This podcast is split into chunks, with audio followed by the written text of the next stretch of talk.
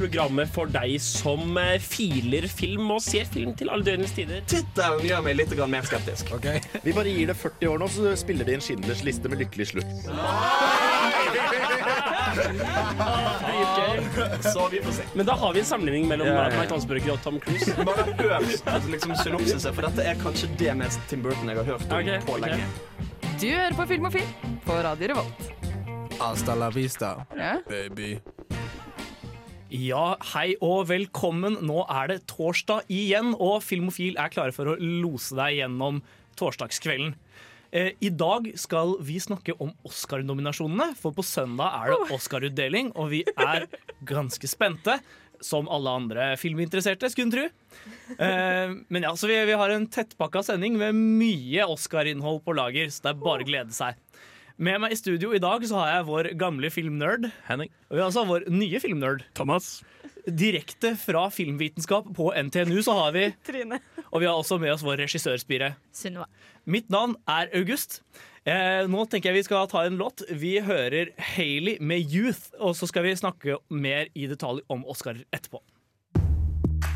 Morning breaks, clouded shapes. Made the same mistake again. Don't know how to break the chain. Ja, og her på Filmofil så snakker vi om Oscarene i kveld. Og eh, først må vi kanskje forklare litt hva det er vi har tenkt å gjøre. For eh, i dag, eller inntil i dag så har vi sett oss opp på en god del av Oscar-filmene. De som er nominert til flere priser. Flytta inn på Prinsen. Rett og slett. Eller, eller Nova. Er der, de er litt smalere ofte, disse, så det er der vi har hengt. I hvert fall jeg. Men eh, også eh, har vi gjort oss opp noen formeninger om hva vi synes burde vinne. Vi kommer til å diskutere dette for en god del kategorier. Uh, og så skal jeg til, til slutt røpe hvem som er hovedfavoritt ifølge uh, bookmakerne for de som driver med online betting. De har ganske god peiling på hvem som kommer til å vinne på dette tidspunktet. I hvert fall i en del kategorier. Ja. Andre er det overraskende spennende. Men det er dessverre en god del kategorier vi også ikke får tid til. Uh, jeg syns jo for eksempel det er litt leit at vi ikke får snakket om beste visual effects. Enig. Ja, veldig. Det, men altså, man må ta harde prioriteringer noen ganger. Uh, og dette er, dette er en sånn sending hvor vi har nok innhold. Spesielt når Guardians of the Galaxy bruker Black Theory Math for å kunne bruke sine special effects. Det er fantastisk! Man kan si hva man vil om den filmen, men uh, de visuelle effektene er det ikke noe galt med. Ja. En annen kategori vi ikke kommer til å ta for oss, er jo beste animasjonsfilm. Ja, Mm. men Um, det Boss er Baby. jo ikke Boss Baby kommer til å vinne. Nei. Det er vel ikke så mange filmer som er verdt å snakke om det. Nei. Utenom la oss si Coco, da, ikke sant? Men den får vi vel snakke om uansett. Det er jo Painting Vincent, da. Mm. Den er jo har... veldig verdt å snakke Jo, om. har vi sett den? Nei, men den er jo, den er jo helt sjukt nyskapende Ja, ja, på ja, ja. måten den er lagd på. Så den hadde jo vært et godt bidrag å snakke om uansett. ja, den kommer på Kosmorama neste uke, så det er bare å slenge seg dit da. For å si det sånn, vi har faktisk en liten gitar stående i ørene her i hvilken de kommer til å vinne. Men det er i hvert fall en kategori hvor det er veldig liten tvil om at det er Coco som kommer til å ta prisen. Ja. Mm. Eh, det er i hvert fall en av de hvor, eh, hvor det er ganske konsensus da om at det ikke blir The Boss Baby. Og vi er vel ikke uenige med det valget. Nei, det er vi ikke. Nei. Jeg syns jo kanskje Painting Vincent kunne vunnet, da. Loving Vincent. Lo nei, det er, Loving Vincent. er det loving? Det Og så mye Vincent. vet jo om den filmen! Jeg vet veldig mye om hvordan den er laget, da. Ja. Og en annen ting vi bare kommer til å spole glatt over, det er alt av kortfilmer. Ja. Så kortdokumentar, kortfilm, eller live action-kortfilm og beste animerte kortfilm. Jeg syns det er veldig trist at vi ikke tar med noen av lydkategoriene. Ja, det er også Selv om jeg skjønner at vi kanskje ikke er så gode på lyd at det er Ja. verdt å snakke om. Det er sant. Jeg sliter i hvert fall generelt med at jeg ikke vet forskjellen på hva som er beste soundmixing og beste sound editing. Mm. Men det er greit å gi en liten shout-out til de som driver med lyd, da, for det er jo veldig viktig også. Ja. Det, det er noe med det. Og vi kommer til å snakke om beste filmmusikk. Det gjør vi. Og det er jo også en viktig del av lyd, lyddelen av det hele. Men i hvert fall, det er det som er vår plan for denne torsdagskvelden. Eh, Så ja, det, det er en del på agendaen, så jeg tenker vi bare hopper videre. La oss høre Ni grader nord med hymn før vi går over på Snubs.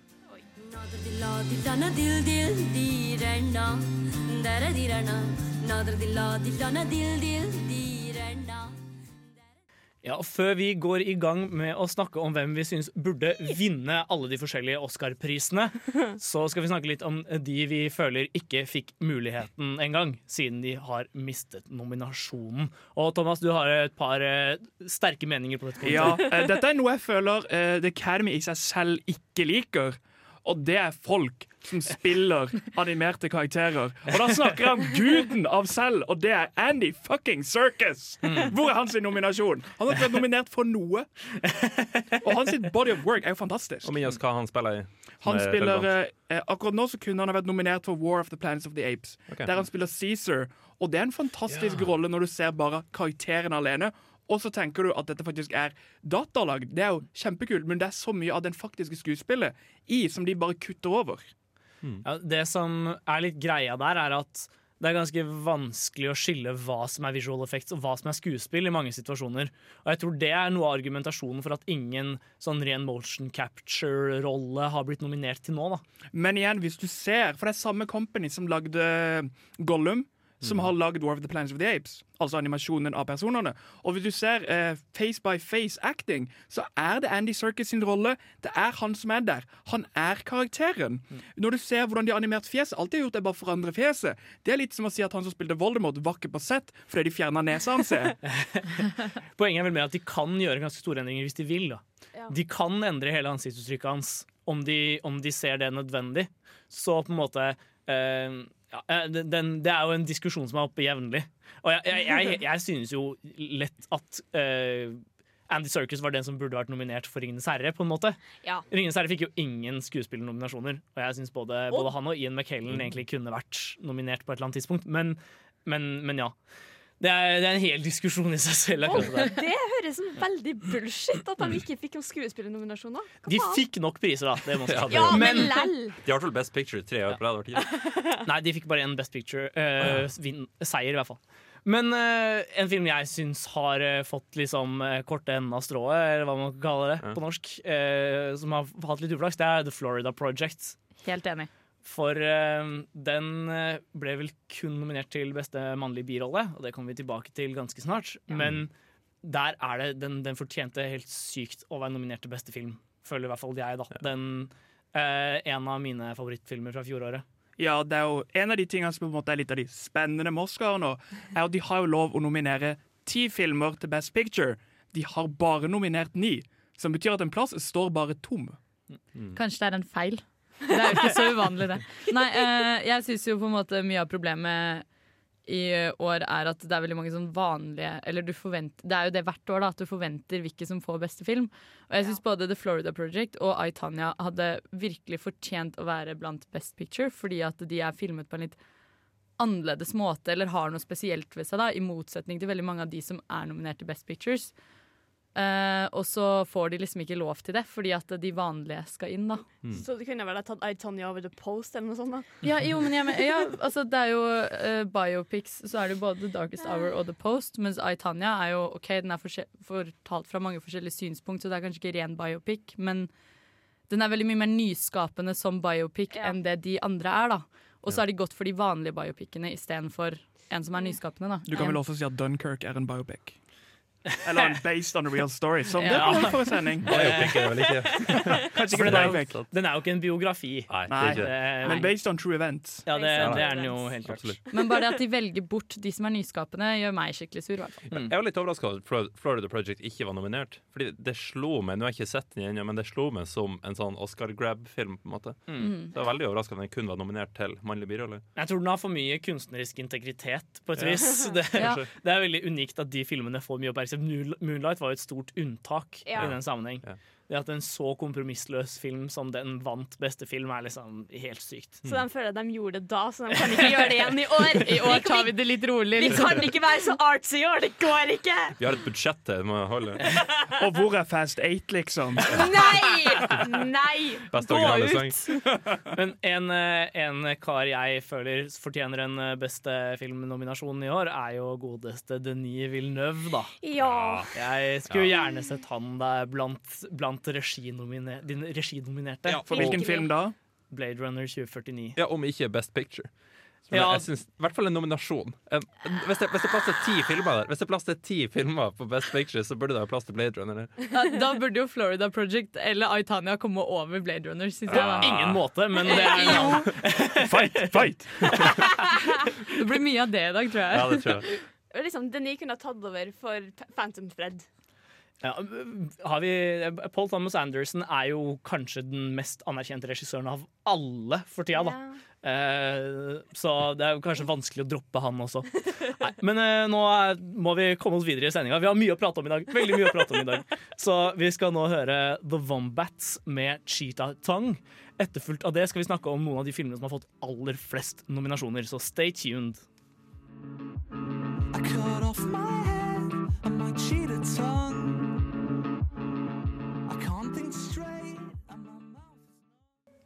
Ja, og på Filmofil snakker vi fortsatt om filmene som er nominert til Oscarer. Og nå skal vi ta for oss noen av de som er nominert til flest priser. For disse kommer vi til å komme tilbake igjen og tilbake igjen til gjennom hele sendinga. Ja. Så vi tenkte vel like greit å bare introdusere et par av de nå. Og den filmen med flest nominasjoner, det er Shape of Water. Og Henning, kan ikke du fortelle oss litt om den? Jo, de fleste har vel hørt om den. Det er filmen til Guillermo del Toro. Han er eh, nominert for beste regi, er nominert til beste bilde, beste kostyme, beste ja, 13. og så videre. 13 13 stykker. 13 priser. Det er ganske drøyt.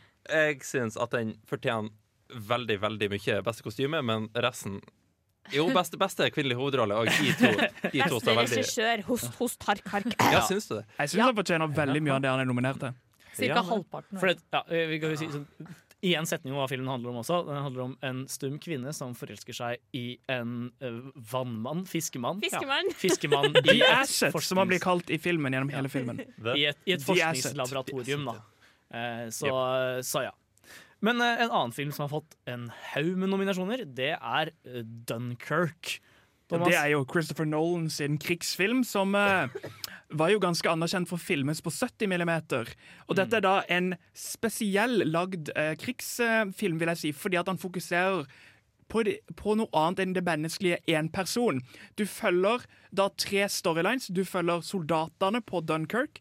Du følger flyverne i lufta, og så følger du båtene som kommer for å redde dem på havet. Ja, og Filmen er nominert til åtte priser. Eh, har jo fått ganske mye anerkjennelse. Det er Mange som Ja. snakker om den som liksom Nolan sin beste film til nå, og det, Eh. det sier jo sitt. Ja, Men det at folk i det hele tatt Ja, ok, sier det, jo, jo. Ja, er et stort kompliment til Jo, ja. filmen, Ja da, tenker jeg da. Og en ting som er veldig gøy, er det at denne og en annen film på denne listen er jo faktisk henger veldig mye sammen. Og det er jo Ja, Vi skulle ikke dit ennå. vi går dit nå. Uh, Darkest Hour. Ja, Darkest Hour, det, er liksom, det tar for seg historien av når Winston Churchill ble valgt inn som s- Æ, faen! Statsminister i, i Storbritannia under andre verdenskrig Nei, først andre verdenskrig? Andre Andre verdenskrig. verdenskrig. Takk. Eh, og må, må liksom rydde opp i rotet som den forrige statsministeren lå etter seg. da Så Den har blitt nominert til seks Oscar. Men det er en forbanna biopic, da, så det er jo ikke noe rart. Oscar-akademiet elsker jo biopics. Ja, altså, jeg har jo vel også forstått det som at den fortjener en del av de prisene den er nominert til. Gary Oldman! Gi en Oscar! Men også sånn som beste makeup Ja. og et par andre priser som den er ganske Den er uh, Ja. Som Det kom, er ikke- ganske, det kom ikke som noe sjokk, akkurat. Nei, det det er noe med det. Du kjenner ikke igjen Gary Oldman i den filmen. Nei. Jeg er fått fortsatt kan- overbevist om at det er en annen person i uh, kostyme. Ja, vi, hvem vet? Hvem vet? Uh, en av de andre filmene som er nominert til klart uh, flest, er jo um, Three Billboards Outside Ebbing, Missouri. Um, det er filmofil-favoritt, har jeg fått inntrykk av. Men, eh, men jeg, jeg er også veldig veldig glad i den filmen. Den handler om uh, Frances McDormand som har mistet datteren sin. Eller eh, en karakter spilt av Frances McDormand. Eh, som har mistet datteren sin, og som er kjempesint på politiet for at Ja. de ikke har løst opp i saken. Uh, og den er uh, Og ender opp med å på en måte anklage politiet offentlig da, for ikke å gjøre jobben sin. Og det rare med den er at liksom, det er så dyster setup, og så er det så morsom film. Det den, tar, den tar en skikkelig sånn in bruge eh, og gjør det dritmorsomt, selv om det er drittrist. Ja, det svinger veldig. Det går fra veldig trist til veldig artig til veldig trist. Og det funka dritbra. Ja, det er, den er faktisk utrolig god på det. Ja. Så eh, den er favoritt til å vinne mange priser, faktisk. Ja. En eh, annen film som har fått hele fem eh, nominasjoner, det er Lady Bird. Har du lyst til å introdusere den, Sunniva? Det kan jeg, vet du. Det er jo en sånn coming of age-film som er satt til eh, 2000-tallet. Ja. Starten av 2000-tallet. Så det er jo ganske relevant for vår alder og de som er litt oppover igjen. da. Veldig nostalgisk. Eh, Men det handler jo om en jente som eh, bor i Sacramento. På the wrong side of the tracks.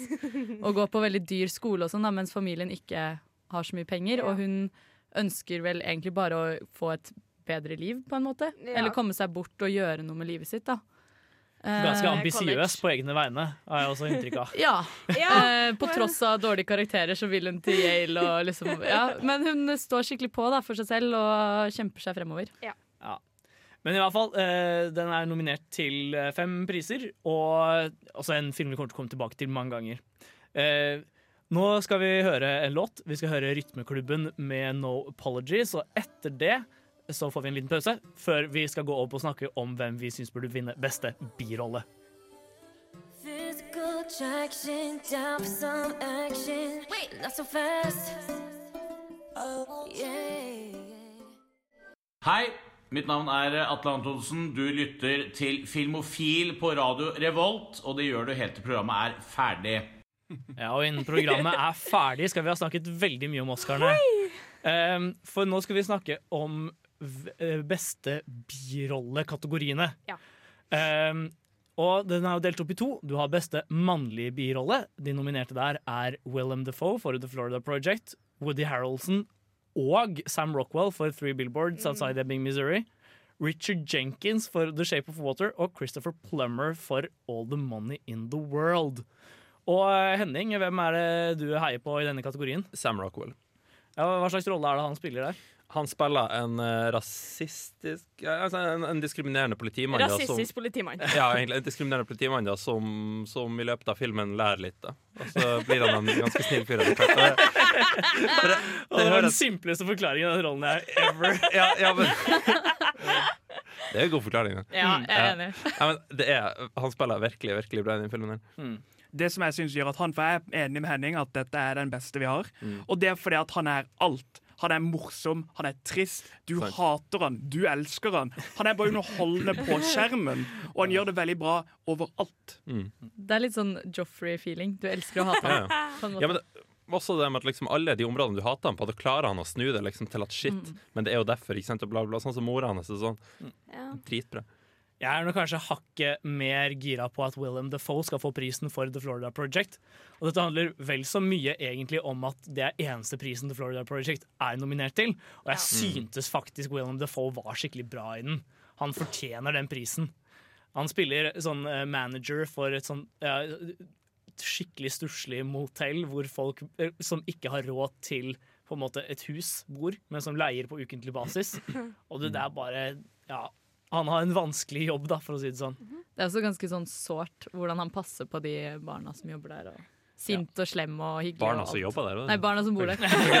Oi sann. Plutselig en helt annen film. Ja, stakkars mann som var Men eh, sånn, det er jo faktisk de to som er mest sannsynlig at vinner også. Ja. Eh, det er Sam Rockwell som er den store favoritten. Eh, hvis man tipper på han, så får man maks en sjuendedel av beløpet sitt liksom, i pluss.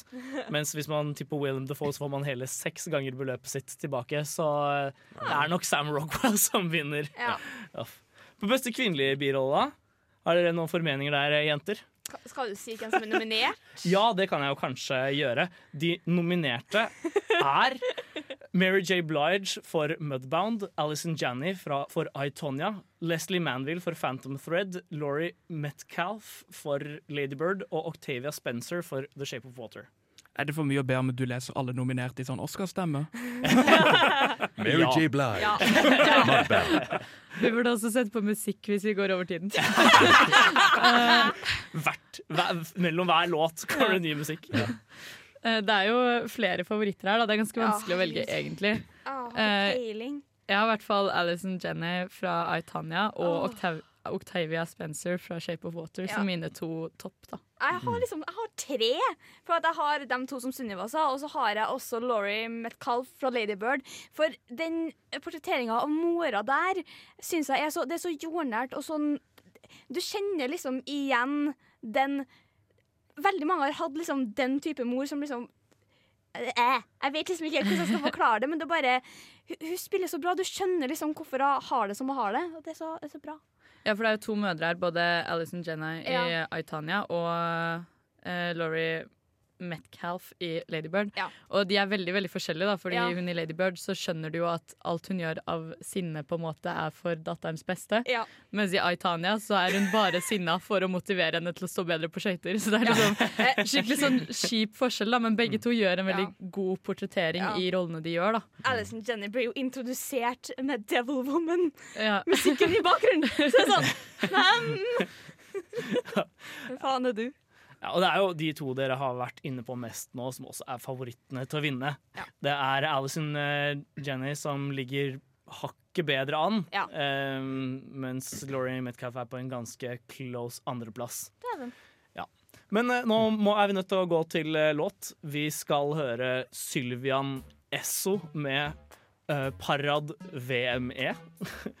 Og etter det skal vi snakke om beste produksjonsdesign.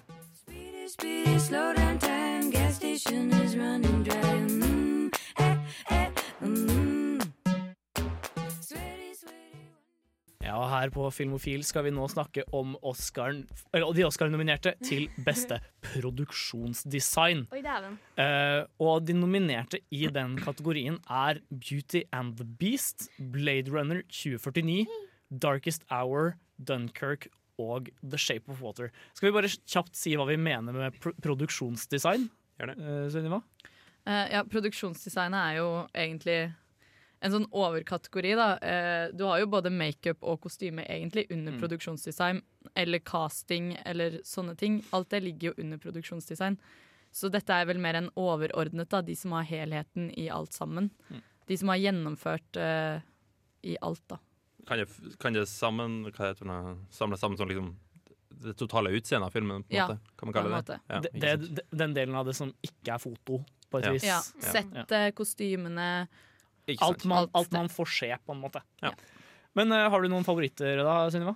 Uh, altså, jeg har jo de samme favorittene som dere, egentlig. Men jeg har bare lyst til å Bare på pur F så har jeg litt lyst til å ha Beauty and the Beast. Uh, fordi jeg ble så sinnssykt sur uh, sist da Cinderella ikke vant. Ja. Uh, for jeg syns at Disney får altfor lite creds for hvor mye tid de bruker på de kostymene de lager. De syr alt for hånd. Alle perler er sydd inn, hvert enkelt. Alle Alt er så gjennomført laget da, i disse prinsessefilmene.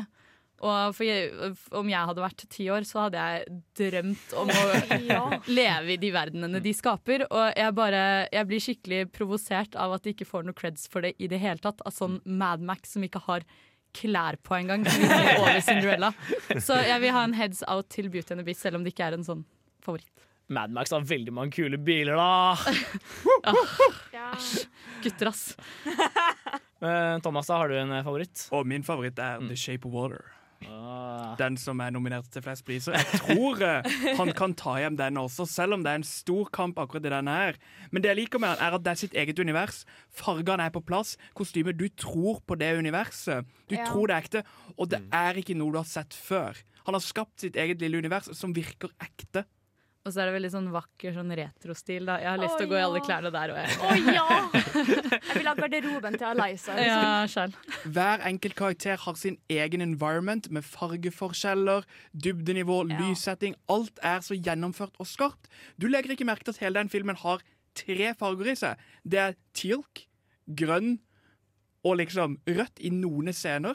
Det er så bra gjennomført hvordan det er så små variasjoner, og det syns han fortjener eh, vinneren, vinneren for. Vinneren, faktisk. Seieren, heter det. Seieren. Ja.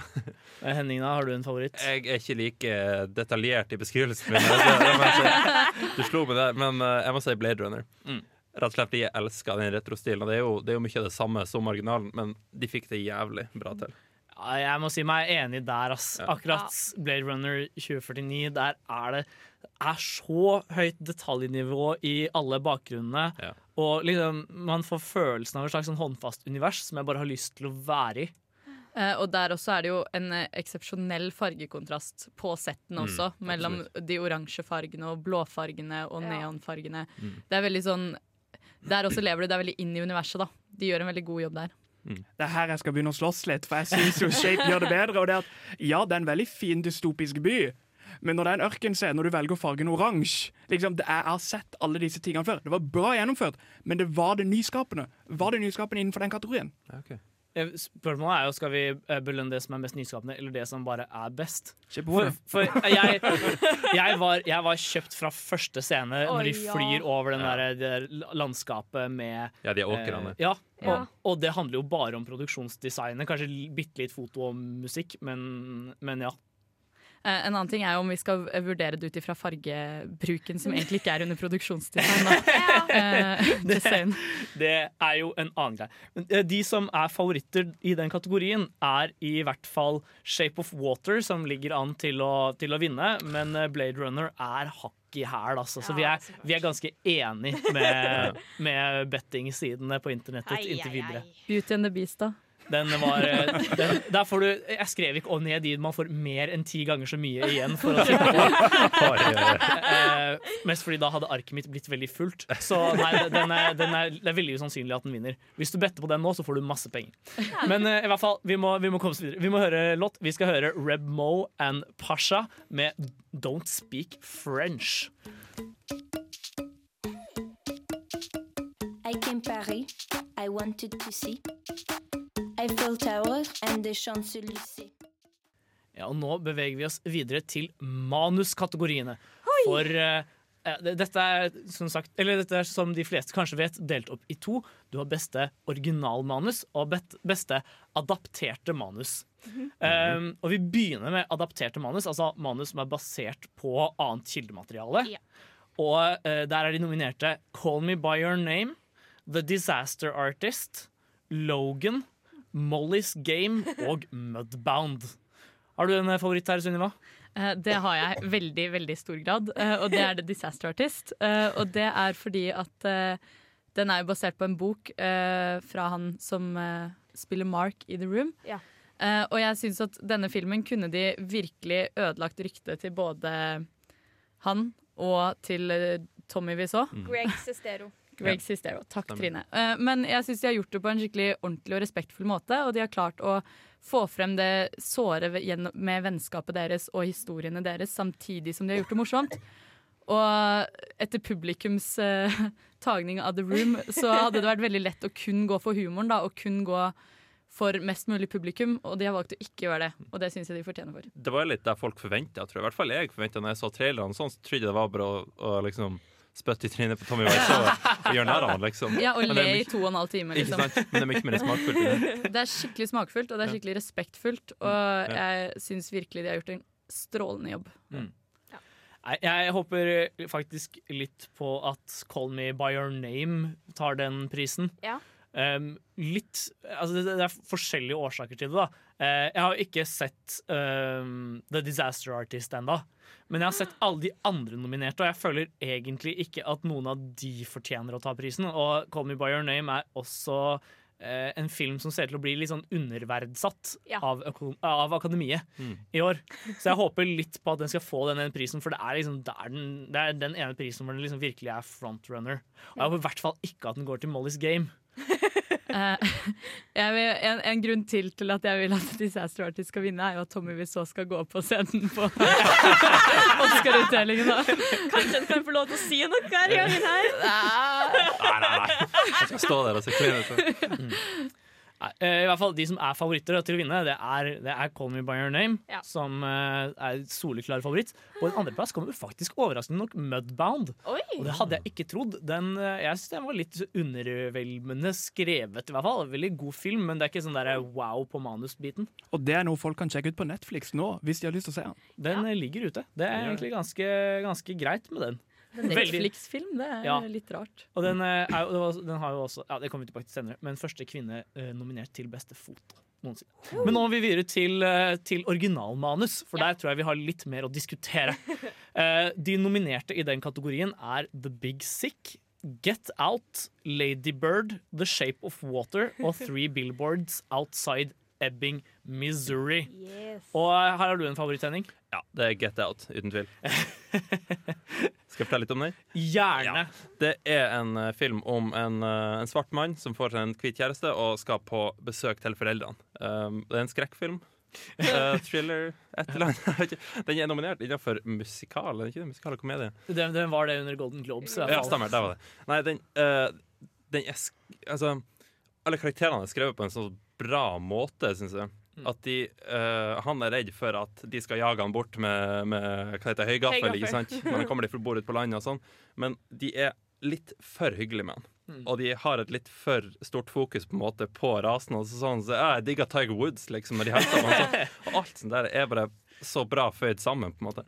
Skikkelig det creepy. Ja, det, det er veldig creepy fra starten, og du skjønner liksom ikke helt hva som er galt før det er for sent. på en måte Ja, dette er faktisk første gangen en debutant har blitt nominert til både eh, beste film, beste regi og beste manus. Mm. Det er da Jordan Peel fra Ja. Key and Peel Mm. som er nominert til alle disse tre med en debutfilm, og det er ganske uvanlig, da. Ja. Eh, Get Out er jo også eh, generelt en uvanlig Oscar-film oppi det hele. Ja, men fortjent. Eh, Det si. mange, mange vil i hvert fall si det. Mhm. Jeg er nok kanskje mer av den oppfatning at Three Billboards Outside Ebbing, Missouri burde vinne. Og jeg vet du er enig med meg der, Thomas? Det er jeg veldig enig i, for der, når du snakker om godt skrevet karakterer, så er det jo manuset den filmen ånder og lever på. Karakterene er troverdige, morsomme, surrealistiske. Det er bare et veldig godt skrevet manus fra den siden, og det elsker jeg med det.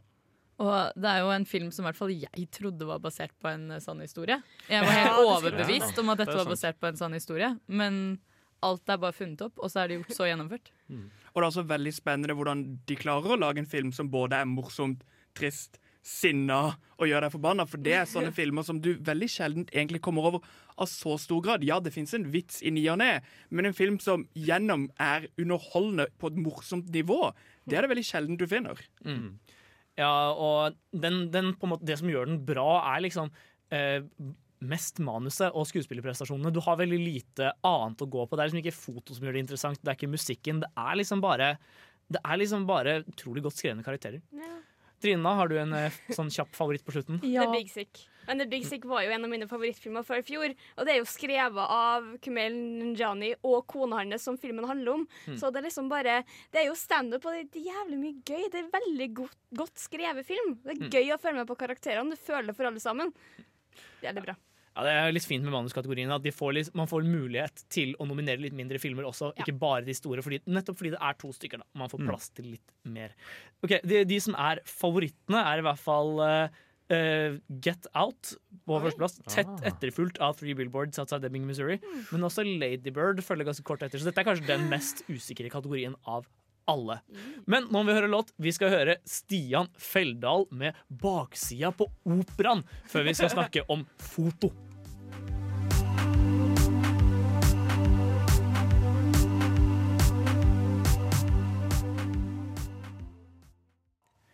Ja, og nå skal vi bevege oss videre til Thomas sitt kanskje viktigste eh, viktigste kampsak. Foto! Vi skal nemlig snakke om beste filmfoto.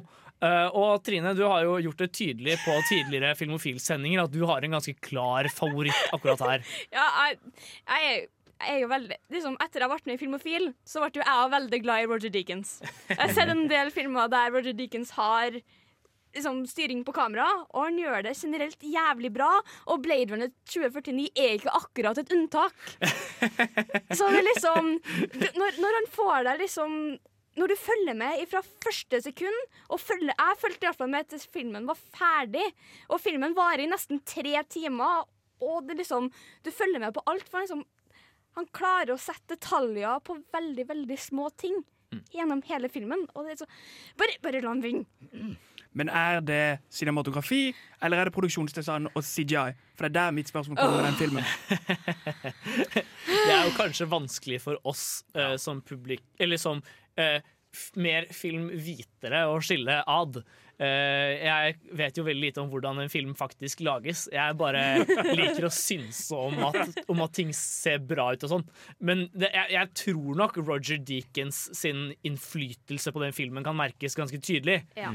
Uh, særlig siden han og Villeneuve, som har regi, har jobba sammen nå på en måte uh, flere filmer etter hverandre. Eller ikke, han var vel ikke med på Han var ikke med på Arrival. han var ikke med på Arrival, Han men han gjorde både Sicario. Sicario og, og Prisoners. Ja.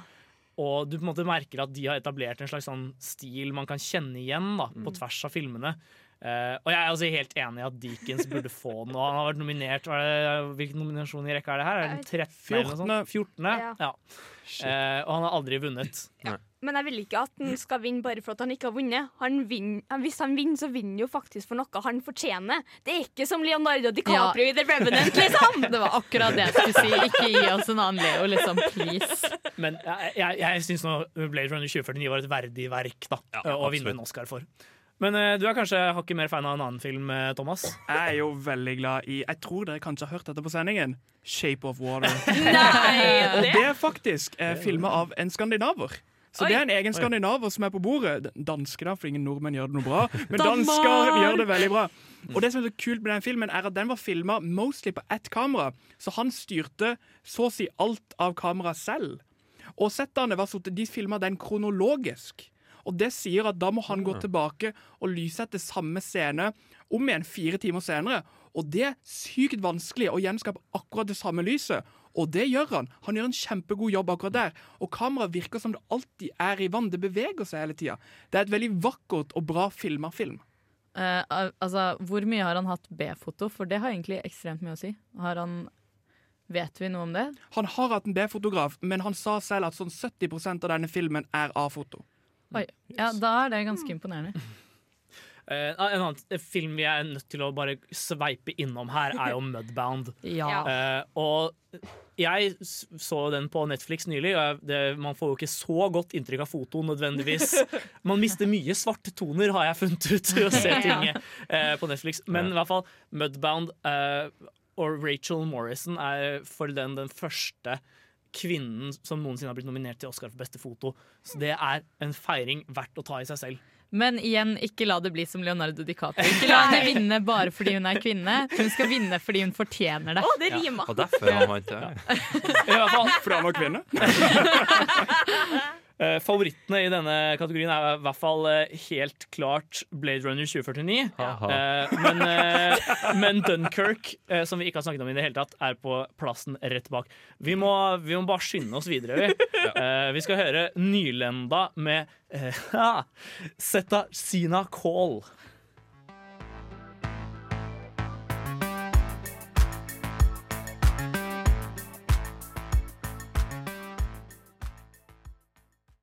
Og eh, her på Filmofil snakker vi om Oscar-nominasjonene denne kvelden. Og nå skal vi over til beste klipp. For uh, det her, her er det også en, eh, en på en måte sterk konkurranse. De nominerte i den kategorien er Baby Driver, Dunkerque, I, Tonya, The Shape of Water og Three Billboards Outside Ebbing, Missouri. Og eh, Henning, har du en eh, favoritt her? Ja, Baby Driver, uten tvil. Ikke Shape of Water. Nei, nei, Kan ikke høre deg under vann. Helt fra starten, det her, jeg ser scenene hvor han går det, det går veldig mye på musikk og sound mixing eller sound editing. Jeg vet ikke, men eh, når han går rundt og hører på musikk og later som han er saksofon, saksofon spiller i sangen, alt sånt der. Og uh, biljaktene, for eksempel, er oh. et av de beste jeg har sett i film noensinne. Ja, men kanskje kjapt si at Baby Driver handler om en Ja. fyr som har tinnitus, og som derfor alltid må høre på musikk, men som også er getaway driver. Så på en måte hele filmen er basert rundt biljakter klippet til popmusikk. Ja. Eh, og det er jo veldig effektivt. Eh, den gjør jo også noe av det samme som uh, Aitania. Det er derfor jeg ikke klarer å velge mellom de to her. Eh, og det er noe med måten de går i overganger mellom klipp på. Mellom Ja. scener og sånne ting. Mhm. For Baby Driver gjør det veldig veldig godt på biljaktene, som du sier. da Mm. De har veldig kule overganger der. Og Aitania har noe lignende når hun står på skøyter. For dette handler om en Ja. skøyteløper som okay. eh, som var borti masse skitt på starten av 90-tallet. Eh, men de skøytesekvensene hennes, da, det er for eksempel et sted hvor hun slenger en slegge i veggen. og så bare kutter de idet den treffer veggen, til skjørtet hennes, liksom. Eh, Ja. Når hun står på skøyter. Så det kutter liksom fra sleggen som går samme vei som skjørtet, sånn til sett. skjørtet, liksom. Det er kult. Eh, og det er noe av det samme Baby Driver gjør i noen av biljaktene sine med bilene, da. Ja. Så begge de to står så sykt høyt for meg, jeg klarer ikke å velge. Det virker som Edgar Wright så en Marvel-film og sa 'dette kan jeg gjøre bedre'. Ja, for at han ikke fikk Ant-Man. Ja. Men jeg, jeg hørte nylig en podkast med en klipper som snakka om sine Oscar-favoritter. Og han sa det at Baby Driver gjorde det egentlig ganske lett for seg selv ved å strukturere seg sånn rundt musikken. Ja. For da vet du på en måte Da tvinger musikken deg til å klippe på de og de tidspunktene. Ja. Og at måte, klippejobben på den, måte, på den måten ble ganske mye lettere i den filmen enn det føles som. da Eh, det stemmer jo også veldig bra, egentlig. For når du har rytmisk musikk, noe som eh, Baby Driver har veldig veldig mye av, så har du hele tiden faste holdepunkt å klippe etter. I Aitania så gjør de jo ikke det. Mm. Så kanskje den går litt oppover. Det blir mye lettere å klippe tilfredsstillende, rett og slett. Publikum, det, publikum skjønner at det passer rett og slett når det stemmer musikken. Ja, det ligger i blodet vårt. Ja. Burde vi straffe noen for å legge en god plan? Nei, vi, vi, burde, vi burde belønne dem for å legge en god plan. Vi burde heller gi den en manuspris eller et eller annet sånt. Heller enn å, eller, eller å gi Edgar Wright en reginominasjon, whatever. Ja. Heller, enn, heller enn å gi den en klippekategori, kanskje, tenker jeg, da. Soundbigs? ja. Eh, For den, den filmen jeg kanskje føler er den aller, aller mest imponerende i den sammenhengen, er jo Dunkerque, på et vis. Den, altså du kan si at filmen har noen problemer, men akkurat klippinga, særlig i starten av filmen, er veldig imponerende. De klarer å opprettholde et vanvittig tempo, i, liksom- eller en helt vanvittig driv, da, i Ja. en historie som egentlig er ganske stillestående. Og jeg vet ikke, jeg syns det er godt jobba. Men igjen, da, så er det jo litt Eller i krigsfilmer så er det veldig lett å gå til den der kaotiske klippingen for å få frem en følelse, og det har jo utrolig mange krigsfilmer gjort før, da. Ja, men jeg føler liksom ikke at det er kaotisk heller. Jeg føler den faktisk øh, har framdrift hele veien. Da. Men i hvert fall favorittene i denne kategorien er jo øh, nettopp Dunkerque og, og Baby Driver, så her er vi ganske enige med akademiet. Det er veldig jevnt mellom de to. Vi får se hvem som vinner. Det blir spennende. Eh, det blir generelt en spennende utdeling på søndag. Men eh, nå skal vi høre Christian Grostad med 'Slowly Drowning' før vi går videre til de virkelig store prisene, nemlig hovedroller. When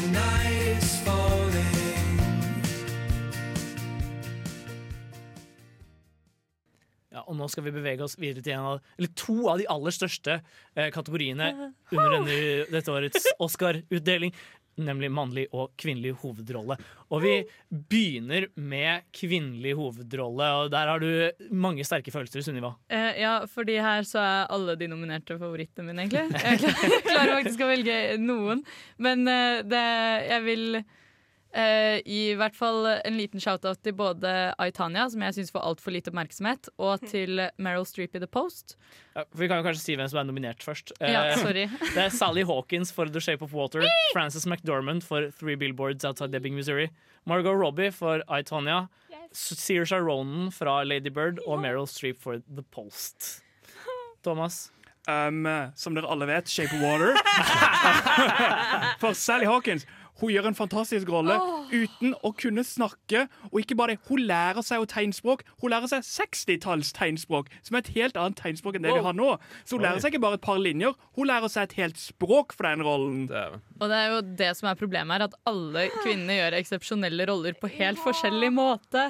Sånn, jeg skjønner jo at uh, eh, Frances McDormand i Three Billboards er en favoritt, og hun vant jo Golden Globes for den rollen. Ja, hun vant også BAFTA. Mm, men uh, grunnen til at jeg er litt på The Post, da, er fordi at den filmen ga meg ikke så mye ny informasjon, og alt det der, men måten Meryl Streep fremstiller en kvinne som prøver å tilpasse seg det at hun plutselig har fått rettigheter på 70-tallet det, det, Jo, men det syns jeg virkelig Det er bare en bihistorie i den faktiske historien her, men som kvinne så ga det meg ganske mye følelser. Uh, så jeg, selv om filmen er sånn ne, så Meryl Streep fortjener alltid en Oscar, etter min mening. But some fish love. Fish love. Fish love.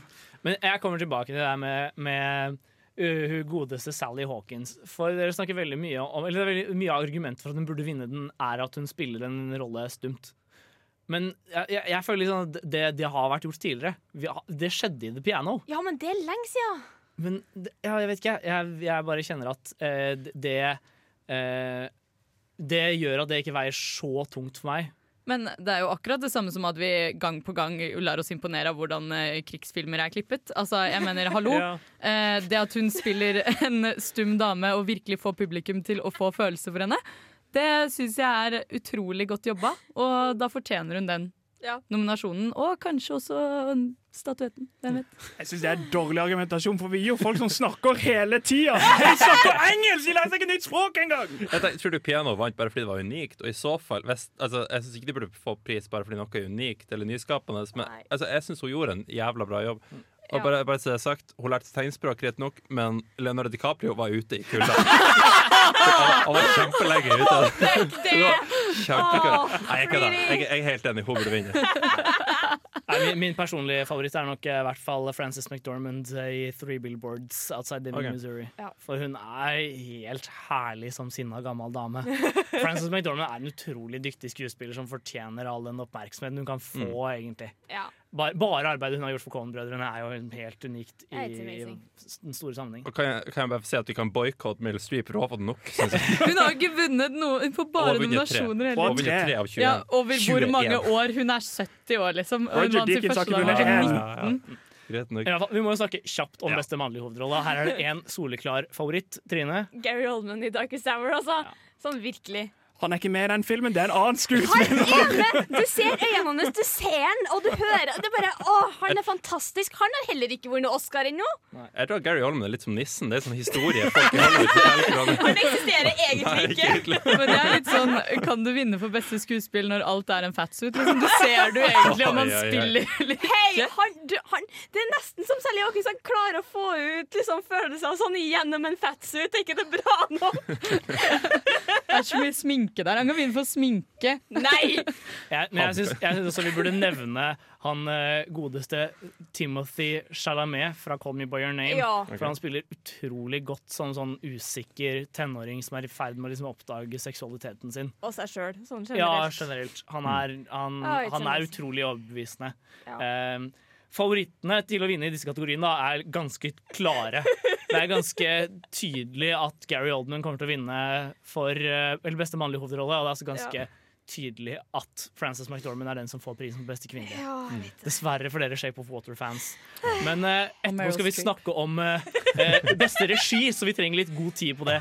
Uh, vi skal høre Minula med Street Fighter før vi, før vi kommer til den.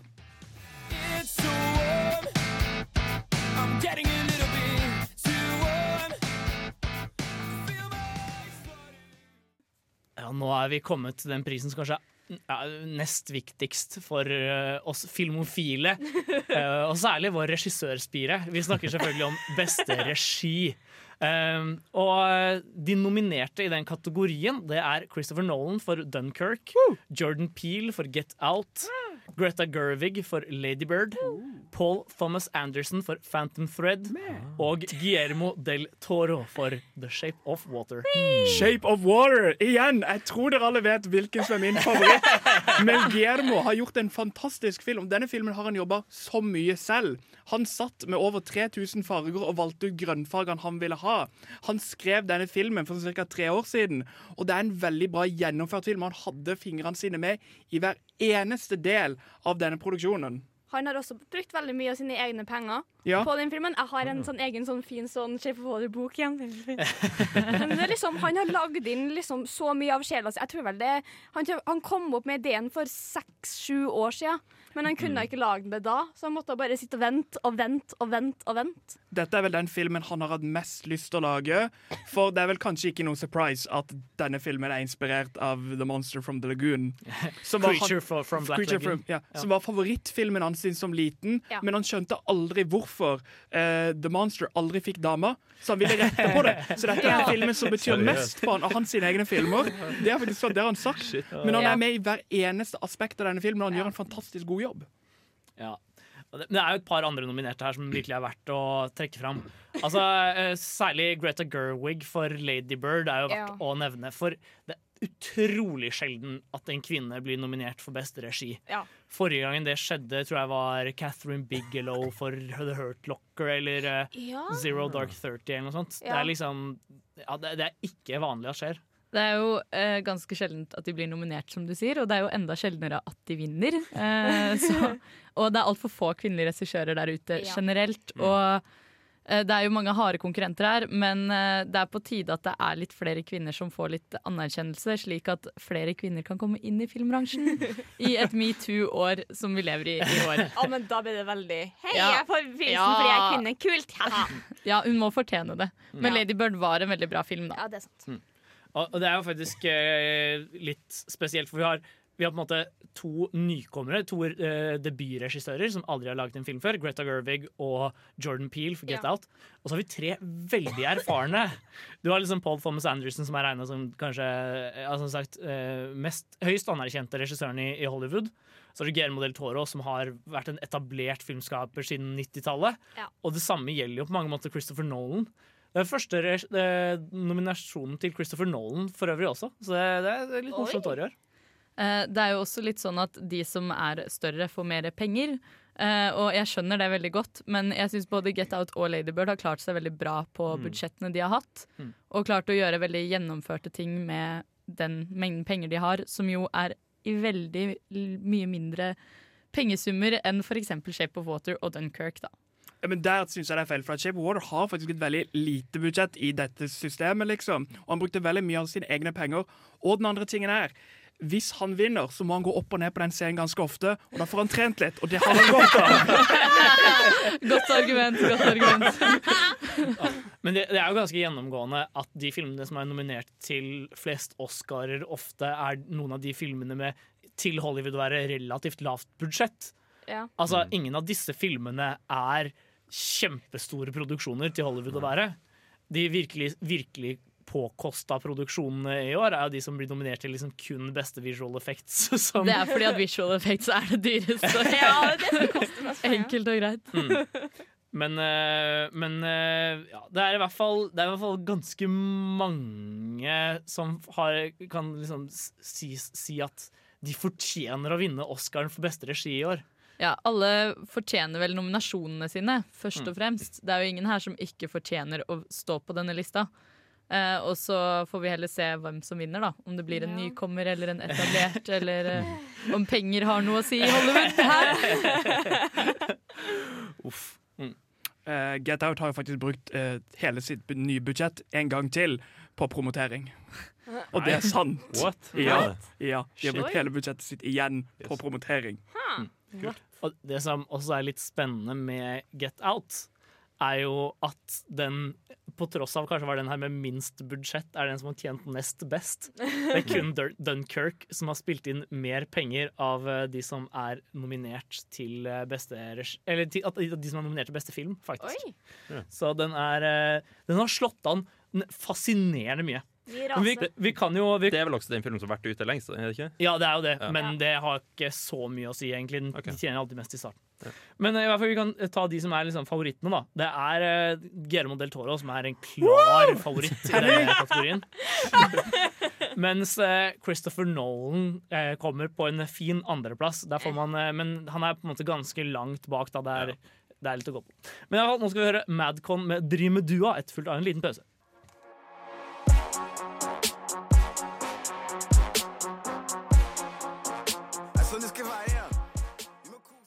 For et program i burra med både klasse og stil. Du hører på Filmofil.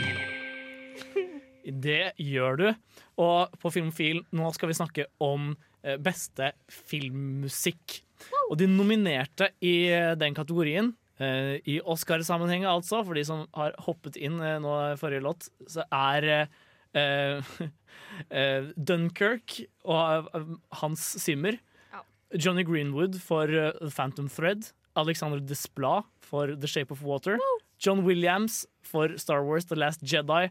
Og Carter Burwell for Three Billboards Outside Ebbing, Missouri. Er det noen som har noen favoritter her, eller? Ja. Ja, det, det som dere kanskje hører, så er det Shape Water. Men det er fordi at det er et veldig bra komponert stykke, og det er en stor del av filmen. Den fører deg inn i storyen. Du kan, altså du har hørt på det etterpå, du kan føle filmen i musikken alene, og det bare høyner opp. I motsetning til type Dunkerque, der det virker som Hans Zimmer sovner på keyboardet sitt. Da. Ja, men det er Simmer. Det er stilen hans. altså. Ikke- Ja, men jeg jeg, jeg syns det er litt urettferdig å anklage Simmer for det. For, jeg, altså, For å sovne på keyboardet. Nei, men, men altså bra musikk. musikk, ja, Musikken hans er ikke så spennende å sitte og høre på i ettertid. Nei. Den er ganske, ofte ganske monoton, men den er utrolig effektiv for å sette deg inn i den stemningen en scene krever. Det er sant. Og den, de, den tikkende klokka i Dunkerque er jo uhyre effektiv. Jeg bare tuller med det, men for den filmen er veldig mye lyd. Dunkirk er en ti ganger dårligere film hvis du skrur av lyden. Den Ja. gjør, det gjør veldig mye av filmen. Gjør lyden. Det er jo kanskje viktig å spesifisere at vi snakker om original score. Så Ja. når vi sier mu musikk, så er det liksom alt gjennom hele filmen, da.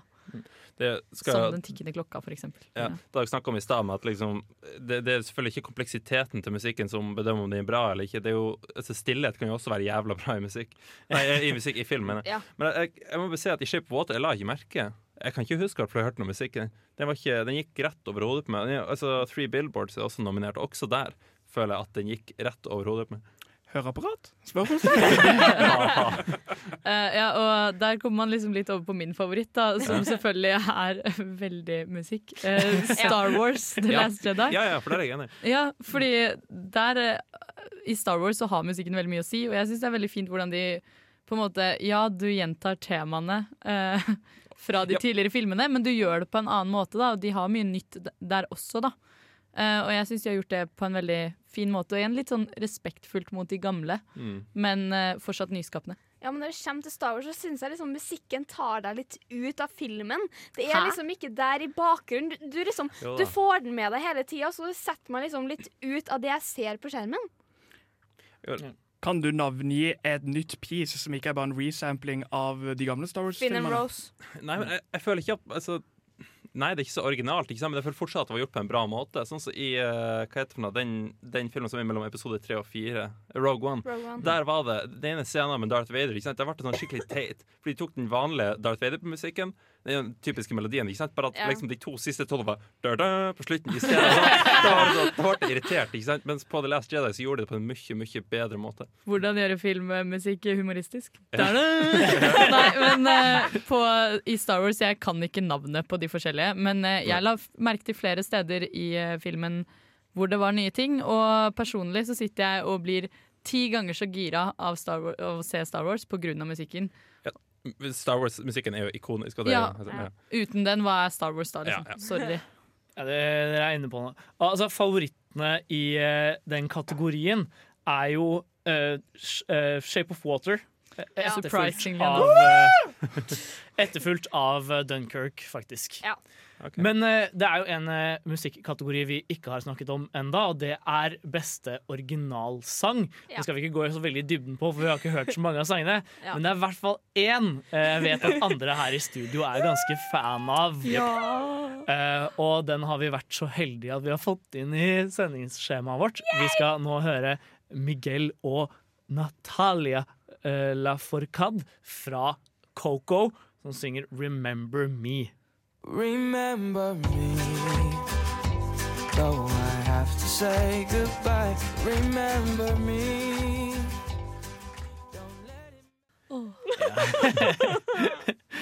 Det er mange som blir dratt tilbake til Coco her i studio. Litt grining og sånn. Men eh, nå skal vi videre til den aller største kategorien av dem alle. Eh, for den, eh, den Oscaren som har klart mest å si, er jo selvfølgelig Oscaren for beste film. Ja. Og i eh, den kategorien så er det hele ni nominerte i år. Og vi tenker vi skal gå litt inn på hver film og si bitte litt sånn kjapt pros and cons. Men først alle de nominerte. Eh, vi har Call Me By Your Name, Darkest Hour, Dunkirk, Get Out, Lady Bird, Phantom Thread, The Post, Shape of Water og Three Billboards Outside Ebbing, Missouri. Jeg lurer på om vi skal begynne litt med Call Me By Your Name. Ja, For det er en film vi ikke har fått snakket så veldig mye om i dag. og Men som er synd. ja, det er ganske synd. Har du lyst til å si litt pros and cons på den, Trine? Åh, jeg vet ikke. Det er liksom det er fantastisk skuespill. Mm. Og så er det fantastisk setting og sånn, men storyen detter litt, syns jeg. Jeg, jeg har også litt et par problemer med den filmen. Altså, jeg, jeg vet ikke helt, jeg klarte ikke helt å komme inn i den på et følelsesmessig plan, selv om det den skildra, var utrolig rørende. Da. Ja. Uh, men jeg syns, Army Hammer er en av de som kanskje burde fått mer oppmerksomhet i år enn det han fikk. Jeg Skulle ønske han ble nominert for Call Me By Your Name, for han Ja. gjør en fantastisk rolle i den filmen. Eh, og det som er litt rart med den, den er utrolig europeisk til Ja. å være en sånn Oscar-buzz-film. uh, den, den føles liksom ikke Den føles mer som en eller annen sånn- sånn fransk oppvekstdrama enn det føles som på en måte en eh, Oscar-nod. Mm. Uh, men ja. Darkest Hour, da? Er det noen som har noen pros and cons på den? Darkest Hour sitt svakeste punkt er at det er en Oscar by the book-film. Ja. Mm. Det vil jeg ærlig innrømme er den sin svakeste side. For det er en veldig bra film, men det er litt sånn Det er ikke nyskapende. Det er bra gjort, men det er, det er liksom alle stikkene som, er, som skal gå nedover, er den sin, og det er den sin styrker og den sin svakheter. Ja, for Jeg har vel inntrykk av at det ikke er noen som misliker den, men at ingen er liksom sånn derre Wow, dette er den beste filmen jeg har Mm. sett ever! Um, så, så det er fare for at den kanskje ikke drar hjem med seieren. Det er litt sånn enda en biopic. Mm. Ja. Um, så kan vi kanskje si litt på The Phantom Thread. For uh, der har du også noen formeninger, uh, kanskje, Thomas? Ja, mitt problem med denne filmen er at jeg føler den er mer nominert av de deltakerne som er med i filmen. altså det er Paul uh, Anderson, Anderson, som er en ikonisk, veldig kjent regissør, så jeg føler å, dette skal være den siste filmen til Daniel Daniel Day-Lewis. Day-Lewis. Og jeg føler det drar denne filmen veldig mye mer opp Mm. enn det den kanskje fortjente Ja. av mine egen smak og mening. Samtidig er Paul Thomas Anderson en sånn filmskaper som man ofte har glede av å se filmene til opp igjen. da. Det er mange av filmene som blir veldig mye rikere andre gangen man ser dem. Jeg tviler ikke på at det er en dårlig film, fordi Thomas Anderson han klarer å få Adam Sandler til å se bra ut. Eh, Punch Drunk Love. Ja. Det- Da det- gjør du det bra, Det er altså. dritbra. Ja, og Daniel Day-Lewis er jo en ikonisk method actor, så jeg lurer på hvor lenge han jobba som sydame bare for å komme inn i denne karakteren. Syherre. Syherre. Uh, Dunkerque, da? Har vi noe forhold til den? Jeg, jeg, eh, har, jeg syns det har vært eller jeg, jeg, jeg, føler faktisk ikke at Dunkerque hadde vært helt ute å kjøre. Jeg syns Dunkerque var en bedre film enn det veldig mange andre på vår alder føler. Jeg syns det er litt ute å kjøre. Uh, sorry, ass. Men uh, jeg er litt på det at uh, og, Altså, det er en krigsfilm, og den tar opp tre forskjellige historier, men det kunne vært tre forskjellige filmer. Jeg syns de har brukt altfor Ja. lite tid på de ulike historiene. Jeg syns de har ikke vist meg nok av de forskjellige fortellingene. Jeg skulle gjerne sett mye mer av hvordan det var for eh, de sivile å dra ut i båten og redde soldatene, fremfor å se masse kaotiske strandscener igjen, da, akkurat som i f.eks. Saving Private Ryan. Jo, sant. Eh, så nei, ikke min smak. Jeg vil argumentere for at strandscenene her er litt annerledes, men OK. The Post. Kjapp kommentar på den, eh, Sunniva. The Post uh, fortjener ikke å vinne beste film. Uh, Nei. det er en god film. Uh, den ga meg mange Altså, jeg ble glad for eh, mye jeg så i den. For eksempel eh, ja, eh, hvordan eh, rettssystemet vi har er og sånne ting. Og det er interessant å se tilbake til Watergate og USA på 70-tallet, Vietnamkrigen. Men det er igjen enda en eh, biopic. Ja, Vi er nesten nødt til å hoppe videre til låt. Vi skal snakke om de aller største favorittene etter at vi har hørt Cosmos Midnight med Get To Know. Så stay tuned. I wanna say something about you. I went to, but I withdrew. I wanna make you bend like a bamboo. Can't do, but I can't choose you. Ja, og nå skal vi videre til liksom de aller største Oscar-favorittene. Uh, det er Get Out, Lady Bird, eh, Shape of Water. The Shape of Water og Three. Billboards Outside Ebbing, Missouri. Ja. Kutta du mikken min just? Burde ha gjort. Og, og hva, er, eh, hva er deres favoritter blant disse fire? Oi, shit. Thomas? Um, Shape of Water. Hallo, Three Billboards Outside Ed- Ed- Ebbing, Missouri. Mm. Ja. Uh, vanskelig tittel, veldig bra film. Uh, den burde helt klart, etter min mening, vinne. Av de, nettopp av den grunn så tenker jeg vi kanskje begynner så vidt med de to andre filmene. Ja. Okay. Uh, har noen en eh, kjapp uh, sånn pros and cons på Get Out? Jeg, jeg syns det, jeg synes det er veldig vanskelig å snakke om det. Fordi jeg, jeg, Mye av grunnen til at jeg liker den så godt, er fordi det er Jordan Peel. Altså, og, og det er en debut, ikke sant? og det er så Ja. bra den gjort det. Så bra, men jeg, jeg er helt Altså det går ikke an å lyge og si at den burde vinne engang. Altså, jeg synes det er veldig sjarmerende at den har fått nominasjon, men det er jo helt urealistisk.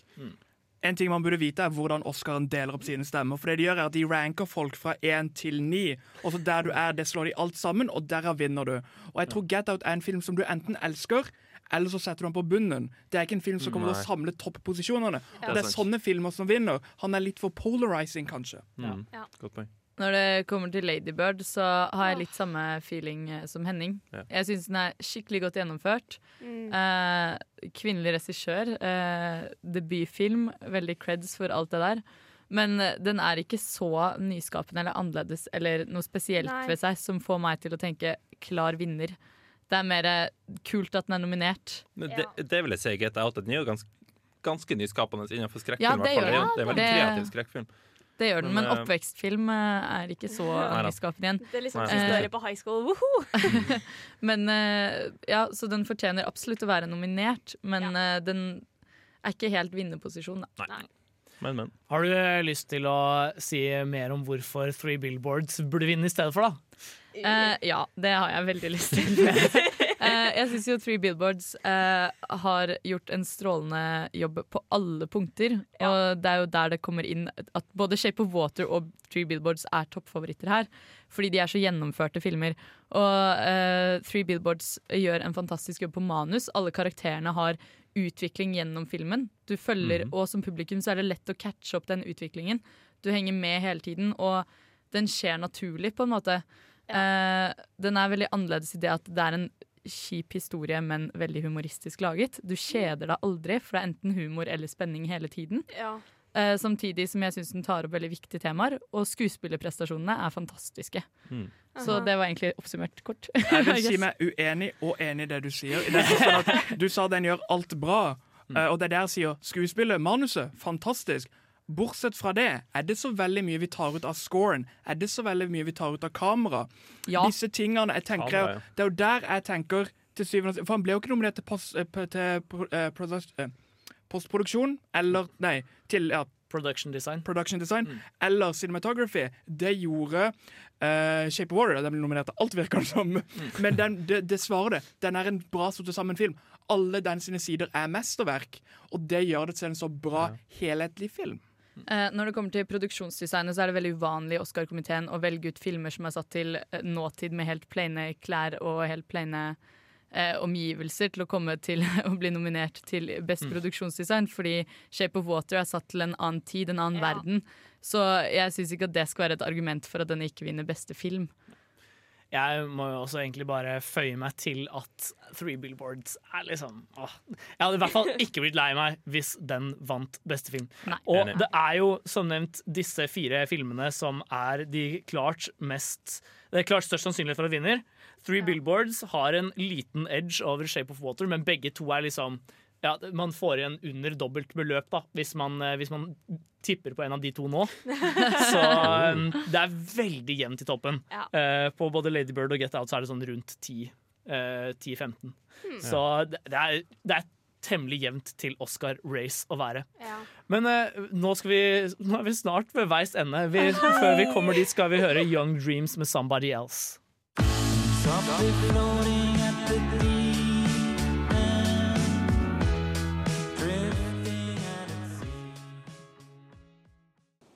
Ja, her på Filmofil har vi dessverre kommet til veis ende i denne Oscar-oppvarmingen. Eh, I, starten, I slutten av forrige sending så ba vi dere sende inn hvor mange Oscar-filmer dere hadde sett til oss, og vi fikk eh, svar fra vår gode venn Christian Høkås. Han hadde sett hele 26 Oscar-filmer, så vi har gi hans Filmofils seal of approval. Filmofil, seal of approval. Gratulerer. Gratulerer til deg, Christian.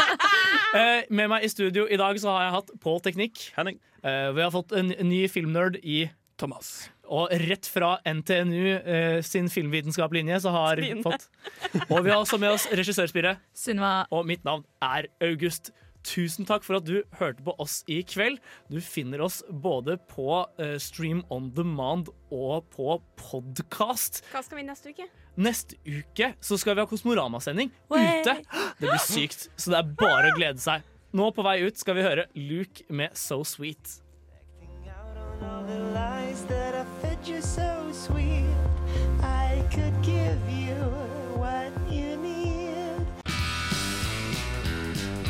Du lyttet nettopp til en podkast fra Radio Revolt. For å høre flere av våre podkaster, gå inn på radiorevolt.no.